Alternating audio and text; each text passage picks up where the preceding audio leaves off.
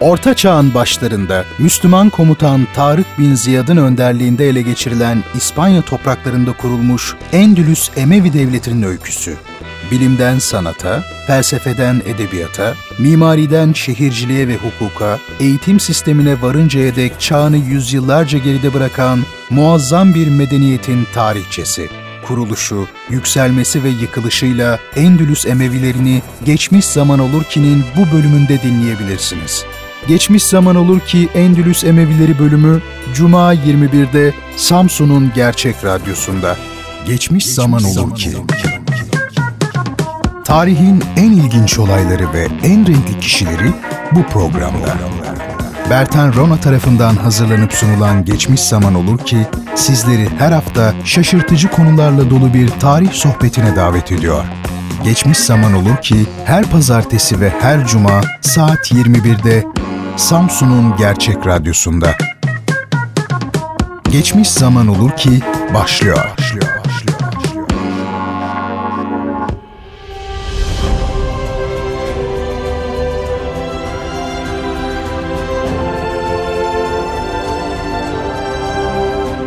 Geçmiş zaman olur ki'den daha hepinize merhaba. Programı hazırlayıp sunan Bertan Rona'yı dinlemektesiniz. Bu bölümümüzde de her zaman olduğu gibi tarihte önemli yer tutan bir hadiseyi ele almaya çalışacağız. Nedir o hadise? Yüzyıllar boyunca İspanya topraklarına egemen olan ve orada muazzam bir medeniyet kuran, bilimde, felsefede, edebiyat ve sanatta devrini çok ama çok aşan Endülüs Emevileri. Ama konuyu anlayabilmek için biraz daha gerilere bakmak kaçınılmaz oluyor tabii. Hadi gelin biz de öyle yapalım. Sevgili dinleyicilerim bugünkü İspanya Avrupa'nın en güzel ve verimli ülkelerinden biri ve çok erken bir uygarlığa kavuşmuş olmasına rağmen günümüzün çağdaş kültür devletleri içinde son sıralarda yer almaktadır. Oysa bu her zaman böyle değildi. İspanya, Roma İmparatorluğu'nun bir eyaleti iken İsa'dan önce 206'da bir bölümü Kartacalıların eline geçmiş ama daha sonraları yine İsa'dan önce 19'da artık tamamen Romalıların hakimiyetine girdikten sonra Roma'nın en verimli ve en zengin eyaletlerinden biri olmuştu. Yunanlıların ve Romalıların sayısız kolonileri bu devletlerin kültürünü çok erken bir dönemde İspanya'ya getirmişti. Roma İmparatorluğu'nun egemenliği 5. yüzyıl başlarında Vandallar ve Suenler tarafından ortadan kaldırılmış ve ülke feci bir şekilde yağma edilmişti. Daha sonra göçler sırasındaki akımda Batı Gotları bunları izlemiş, Vandalları Kuzey Afrika'ya sürmüş ve zamanla tüm ülkeyi ele geçirmişlerdir. 6. yüzyılda Franklar tarafından sıkıştırılan ve o zamana kadar Hristiyan Aryan olan Batı Gotları Teslis yani üçleme dinini kabul ettiler. Böylece Frankların düşmanlığından kurtuldular. Ama bu kez de Roma Başpiskoposu'nun hakimiyeti altına girdiler. Halk için değişen bir şey yoktu. Batı Gotları yerleşimden sonra toprakların 2 bölü 3'ünü yani 3'te 2'sini kendi hakimiyetlerine aldılar. Geri kalan bölümü de yerli halka bıraktılar. Bu halk köle ya da serf olarak kullanılıyordu. O çağlarda alışılagelmiş şekilde boyunduruk altına alınmışlardı. Ruhban sınıfı daha yeni yerleşmişti ki Aryan inancına sadık kalanlar bağnazca takip edilmeye başlandı. Derken bu vahşi takip Roma İmparatorluğu döneminden beri ülkede yaşayan çok sayıdaki Yahudiye yöneldi. Bunların servetleri yağmalanıyor, çocukları ellerinden alınıp zorla Hristiyan olarak yetiştiriliyordu. Soyluların ve din adamlarının güçlenmesiyle halk iyice yoksulluğa sürüklendi aile bireyleri arasındaki sonu gelmeyen çekişmelerle iyice güçsüz düşen ve aristokratların karşı konulmaz baskıları sonucu saltanatları tehlikeye giren krallar kendilerini din adamlarının ellerine bıraktılar. Ruhban sınıfı durumdan yararlanıp kralları soylulara karşı korudu. Ama buna karşılık krallığı parmaklarında oynatmaya başladılar. Krallar güçlü iktidarlarına rağmen tam anlamıyla ruhban sınıfının baskısı altına alınmışlardı. Örneğin 633 yılında krallardan biri Toledo'da toplanmış olan başpiskoposların konsülü önünde zavallı bir durumda kalmıştı. Oysa Roma'daki papazların buna benzer bir zafere ulaşması için daha birkaç yüzyıl beklemeleri gerekecekti. 8. yüzyılın başında din adamlarının yardımıyla Kral Vitiza düşürüldü ve Roderick yani Rodrigo tahta geçti. O da minnettarlığını göstermek için Yahudileri gözden çıkardı. 90 bin Yahudi birkaç yılda zorla Hristiyanlaştırıldı. Ayrıca intikam ve misilleme de eksik olmadı. Uçarı, aklı havada bir insan olan Kral Roderich, Çenta valisinin Toledo'da yetişmiş olan kızına zorla sahip oldu. Kızın babası bu ayıbı duydu ve öç almaya yemin etti. Halife adına Kuzey Afrika'yı yöneten Ebu Musa'nın yaveri olan Tarık bin Ziyad ile irtibata geçen vali onu İspanya'yı istilaya çağırdı. Tarık bin Ziyad Musa ile anlaşarak 711 yılında İspanya'nın kendi adıyla anılacak olan Cebeli Tarık Boğazı'ndan geçti.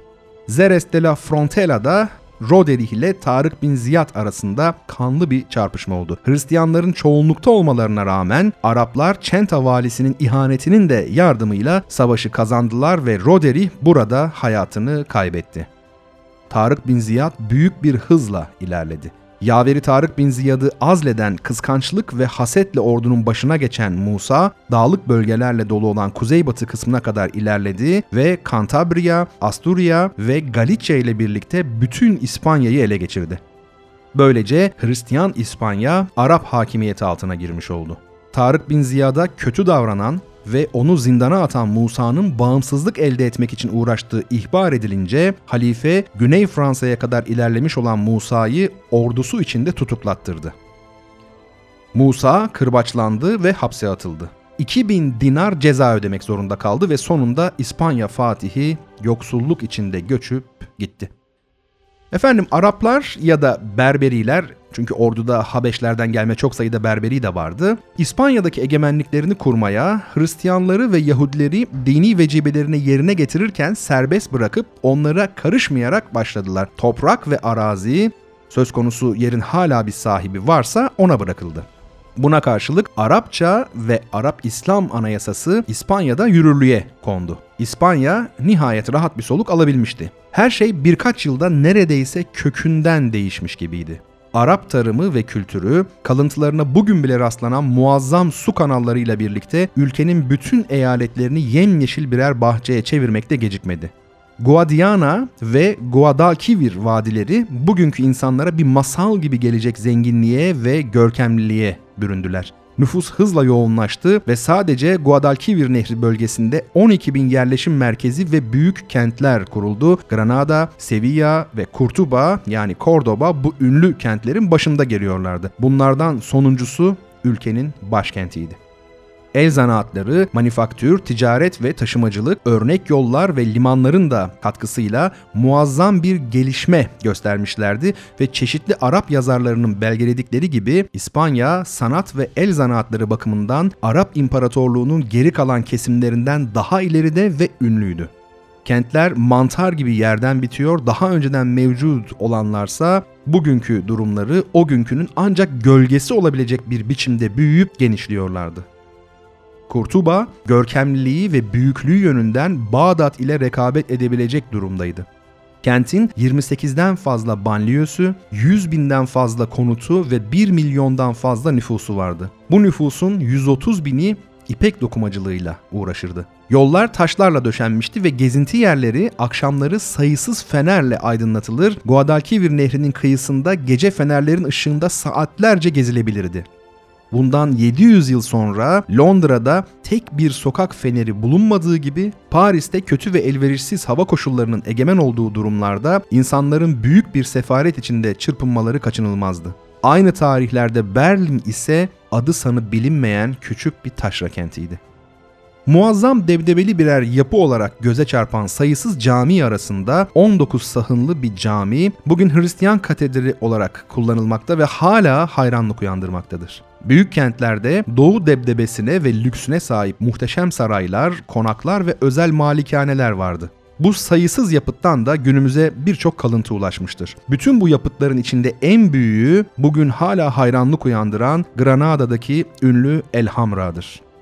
Adetlerinden biri Arapları çağlarındaki Hristiyanlardan ayırdığı gibi onlara büyük bir avantaj da sağlıyordu. Temizlik adetiydi bu. Araplar nereye yerleşirse yerleşsinler ilk iş olarak geniş, halka açık hamamlar kuruyorlardı. Oysa aynı dönemlerde Hristiyanlar için pislik ve tiksindirici artıklar içinde yaşamak Tanrı'nın hoşuna gitmenin belirtisi sayılmaktaydı.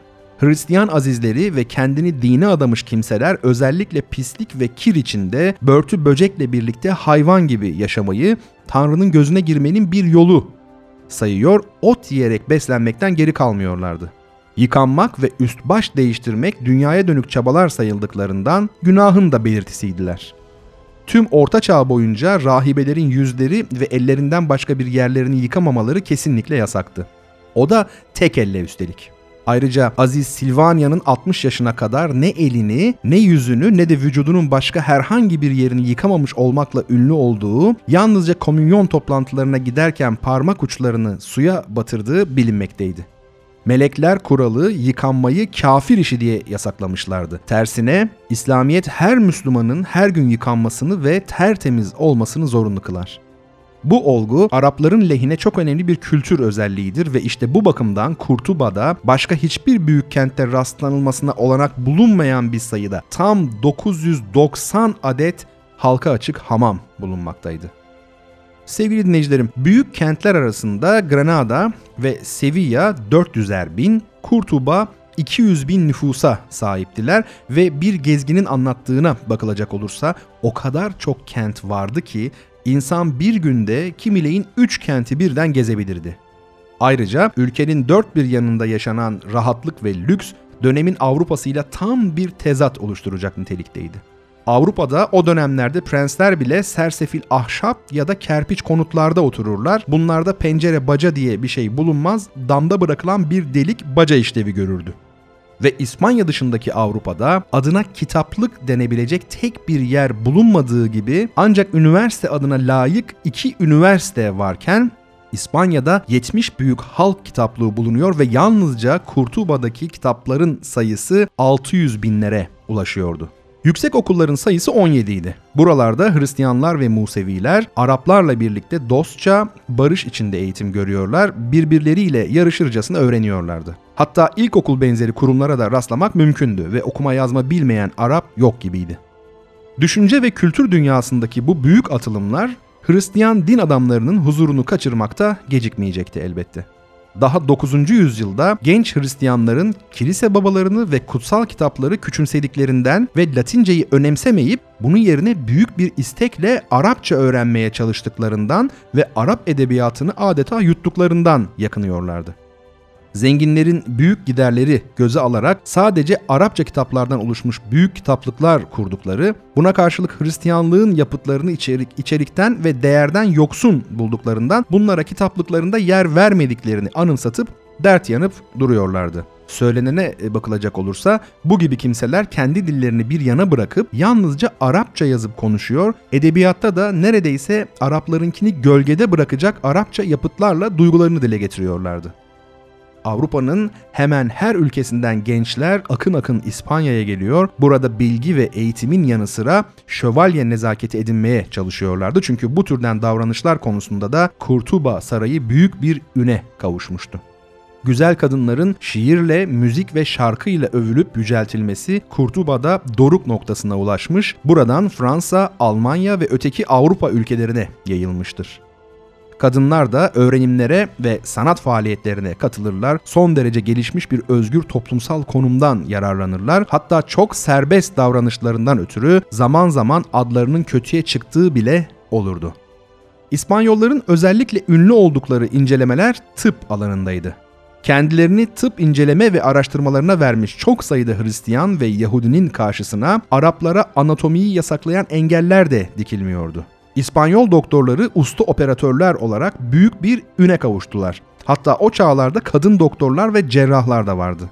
17. yüzyılda bütün İspanya yeniden Hristiyanlaştığında İspanyol doktorları Avrupa'da rastlanabilecek en cahil doktor düzeyine gerilemişlerdi. Ayrıca astronomi, kimya, botanik, mineraloji alanının yanı sıra dil bilgisi, matematik, tarih, felsefe ve hukuk inceleme ve araştırmaları İspanya'daki yüksek okullarda Arap İmparatorluğu'nun herhangi bir yerinden hiç de farkı olmayan bir biçimde sürdürülüyor. Madencilik ve gemi inşa alanındaki gelişmeler İspanya'nın daha sonra bir daha hiç erişemeyeceği bir düzeye ulaşıyordu. Durumu en iyi olanlar Hristiyanların kendilerini izleyip baskı altında tuttukları dönemlere kıyasla durumları çok düzelen Yahudilerdi. Araplara şükran borçlarını en iyi biçimde ödeyen Yahudiler yeni düzenin en ateşli savunucuları olup çıkmışlardı. Yahudilerin sayısı ve zenginlikleri arttıkça arttı ama yıllar sonra Hristiyan haçı İspanya'da yeniden egemen duruma geçince bu zenginlik Hristiyanların arayıp da bulamadıkları bir ganimete dönüştü. Buna karşılık Hristiyan din adamları geçmişin o güzel dönemlerini bir türlü unutamıyor, ellerinden geldiğince her yerde ve durumda alt sınıfların fanatizmini körükleyip galeyana getiriyordu. Dinsizlerle aynı toprakları paylaşmak, kiliselerinin yanında cami ve sinagoglara katlanmak Hristiyan din adamları için olanaksızdı. Bütün bunlara Araplarınkine tamamen zıt bir hayat anlayışını da eklemek gerekir. Araplar neşeli, yaşamayı seven insanlardı. Bedensel hazlarına din önemli bir engel getirmemişti. İlgiyi, eğitimi severlerdi. Din konularında son derece hoşgörülü olan bu insan tipi Hristiyan gençliği elbette kolayca etkileyebiliyordu. Efendim dünyayı önemsemeyip küçümseyen, bedenin çarmıhta acı çekmesini, duyumsal hazların baskı altına alınmasını vaaz eden Hristiyanlık, Müslümanlığın tam karşı kutbunda yer alıyordu. Yetmiyormuş gibi eğitilme ve aydınlanma çabalarının düşmanı, hoşgörüden yoksun bir dindi bu. Bütün bunlara Arapların yabancı bir ırktan oldukları ve İspanya'ya dışarıdan gelerek burayı işgal ettikleri gerçeğini de eklersek daha büyük bir zıtlığın pek kolay düşünülemeyeceği de anlaşılır. Sürtüşmeler ve kavgalar hiç eksik olmuyor. Hristiyanlar da bunların üstüne üstüne gidip olayları tahrik ediyorlardı. İlk önce olabilecek en berbat kimselerden birinin Aziz Eulogius'un önderliğindeki ruhban sınıfı Müslümanları dönmeye zorlamak için her çareye başvurmaya başladılar. Bunlar Müslümanlığa saldırıyor, onu hor görüyor, böylece düşmanlıkları körüklüyordu. Müslümanlığın hoşgörüsü karşısında kendi dininden soğuyan binlerce Hristiyanı gördükçe bu kimselerin Müslümanlığa duydukları kin ve öfke daha da artıyordu. Ayrıca cahil kitleler Müslümanlığa karşı kışkırt kışkırtıldı, İslam dini alaya alındı. Müslümanların dinsel örf ve adetleri çiğnenmeye başlandı. Yetmiyormuş gibi camilere ve duruşma salonlarına girilerek her türlü terbiyesizliklerle, taşkınlıklarla duruşmalar engellendi. Böyle bir suçun cezası ölümdü. Gel gelelim fanatik Hristiyanlar böyle bir cezaya seve seve gözlerini kırpmadan razı oluyorlardı. Çünkü sonunda inançlarının kurbanı olacaklardı. Bu çirkin davranışlar gittikçe daha da berbat bir hal alınca aklı başında olanlar duruma müdahale etmek istediler ve provokasyonlara dur diyebilmek için bir psikoposlar kurulu topladılar. Bunun üzerine fanatikler ihanetten ve satılmışlıktan söz etmeye, bas bas bağırmaya başladılar. Kendi çıkarlarının bu fanatik kimselerce korunduğunu sanan alt tabakalardan halk kitleleri ruhban sınıfının ağzına bakıyordu. Yukarıdaki suçlamalara da inanarak Müslümanlığa karşı saldırılarını daha da artırdılar. Derken kanlı kapışmalar görülmeye başladı. Ülkenin kuzeydoğusundan İspanya'ya giren İspanyol orduları ve prensleri ülkeyi adım adım geri alıp Arapları geri püskürttükçe bu kanlı çarpışmalar da gittikçe sertleşti. Öte yandan İspanya'daki Arap egemenliğinin durumu da değişmeye başlamıştı. Müslüman büyüklerinin Bağdat'taki halifelikten bağımsız olma istekleri İspanya'daki valilere de sıçramaya başlamıştı. Bunlardan biri 756'da bağımsızlığını ilan etmekle kalmadı, kendini de halifeliğe getirdi.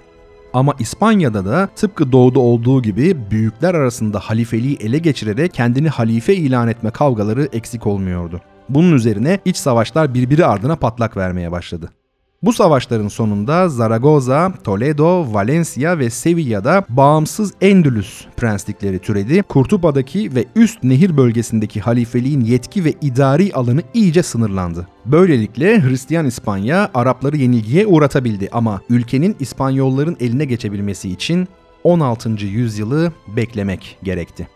Görkemli Granada, Endülüs'ün elden çıkan son eseriydi. Toledo daha 12. yüzyılın başlangıcında, Badajoz ve Merida 1231'de, Valencia 1238'de, Murcia 1241'de, Jaén 1246'da, Carmana ve Seville 1248'de ve Malaga 1487'de geri alındı.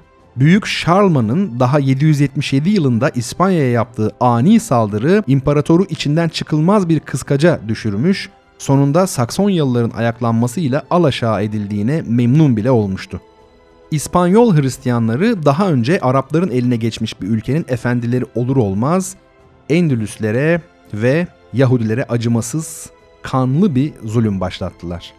Kendilerine verilen sözlere rağmen teslim koşullarına uyulmadı. Camiler tahrip edildi, binlerce Endülüslü Emevi ve Yahudi katledildi ya da her türlü şiddete başvurularak Hristiyanlaştırıldı. Milyonlarca insan Afrika'ya göç etmek zorunda kaldı. Kalabalık kentler boşaldı, yok oldu. Daha önce insandan geçilmeyen bölgelerde incin gezinir oldu. Tarım, bahçıvanlık, ticaret ve taşımacılık hızla geriledi. Halk yoksulluk ve sefalet içinde kıvranmaya başladı yıkıp yok etme hıncı özellikle eğitim ve öğretim kurumlarına büyük bir hırsla saldırdı. Yüksek okullar kapatıldı, kitaplar ateşlere atılıp bilimsel aygıtlar kırılıp parçalandı. Böylece paha biçilmez değerler içeren kitaplıklar yok oldu. Kardinal Jimenez 1 milyon cildin yok edilmesi için buyruk vermiş olmakla övünürdü. Bunlara karşılık öfkeli bir Hristiyan taassubunun vaaz edildiği ve İspanya'nın kutsallığını yitirmiş topraklarını dinsizlerden arındırıp Müslüman ve Musevilerin nasıl Hristiyanlaştırılacağına ilişkin yollar öneren ve tartışan bir literatür yaygınlaştı.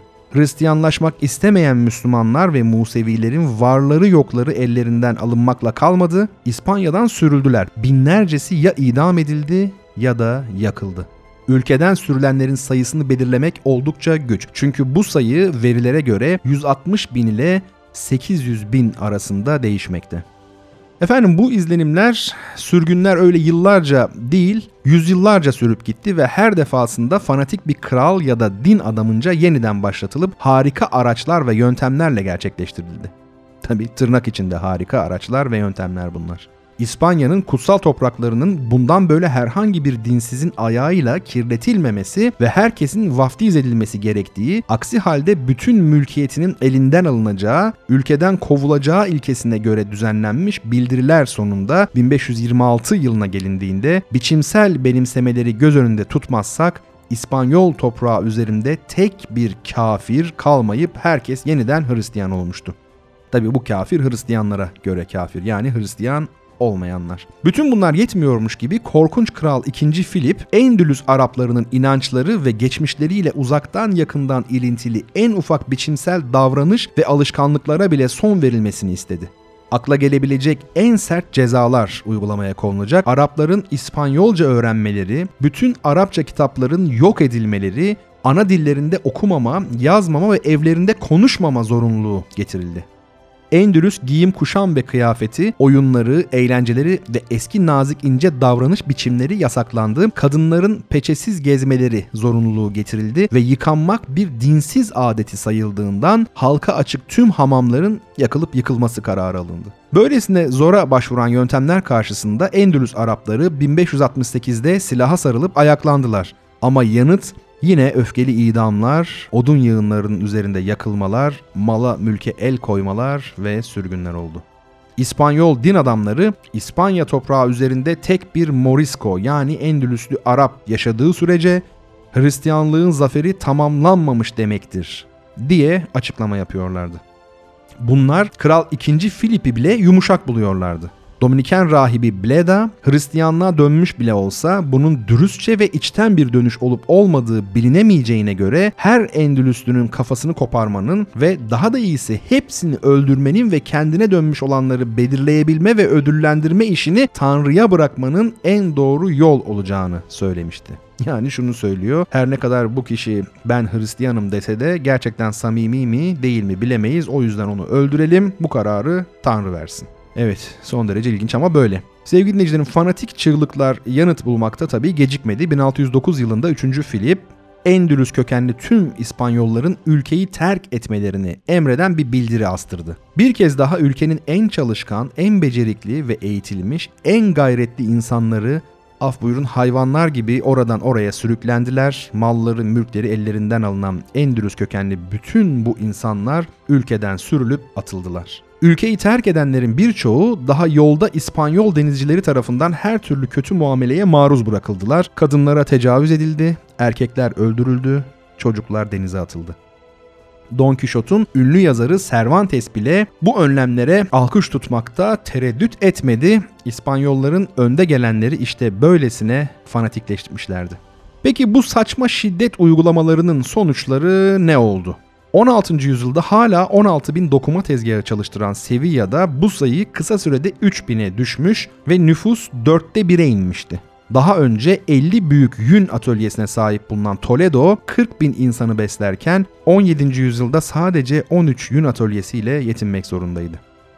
Yüncülük Endülüslülerle birlikte adeta Tunus'a göç etmişti. Ülkenin bütün öteki kentleri de hemen hemen istisnasız aynı sonuçlarla yüz yüze kaldılar. Gerek kırsal kesimlerde gerekse kentlerde su yolları ve kanalları birbiri ardından işlemez duruma geldiler. Geniş toprak parçaları işlenmeyip kaderlerine terk edildiler.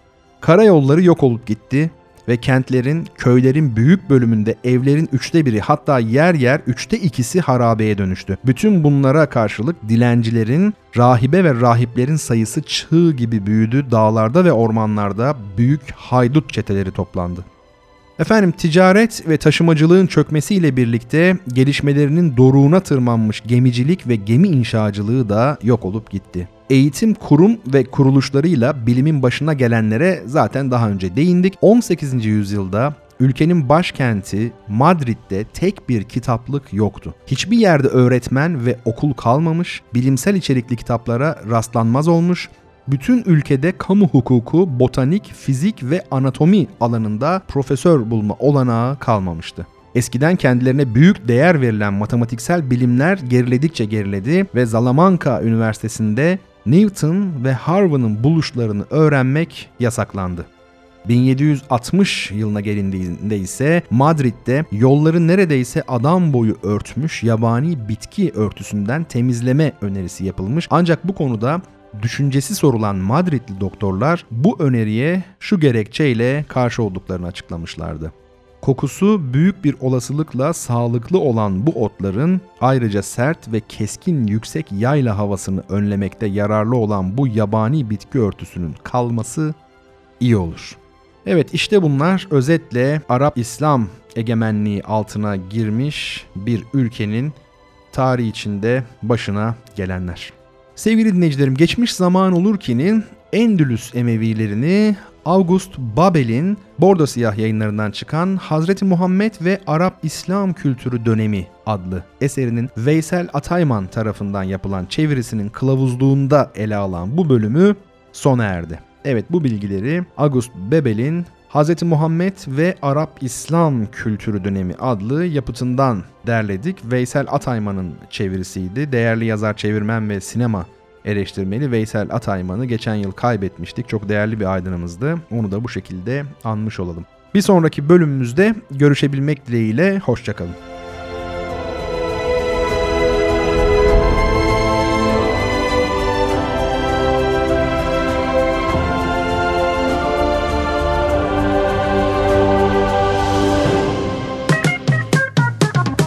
Geçmiş zaman olur ki sona erdi.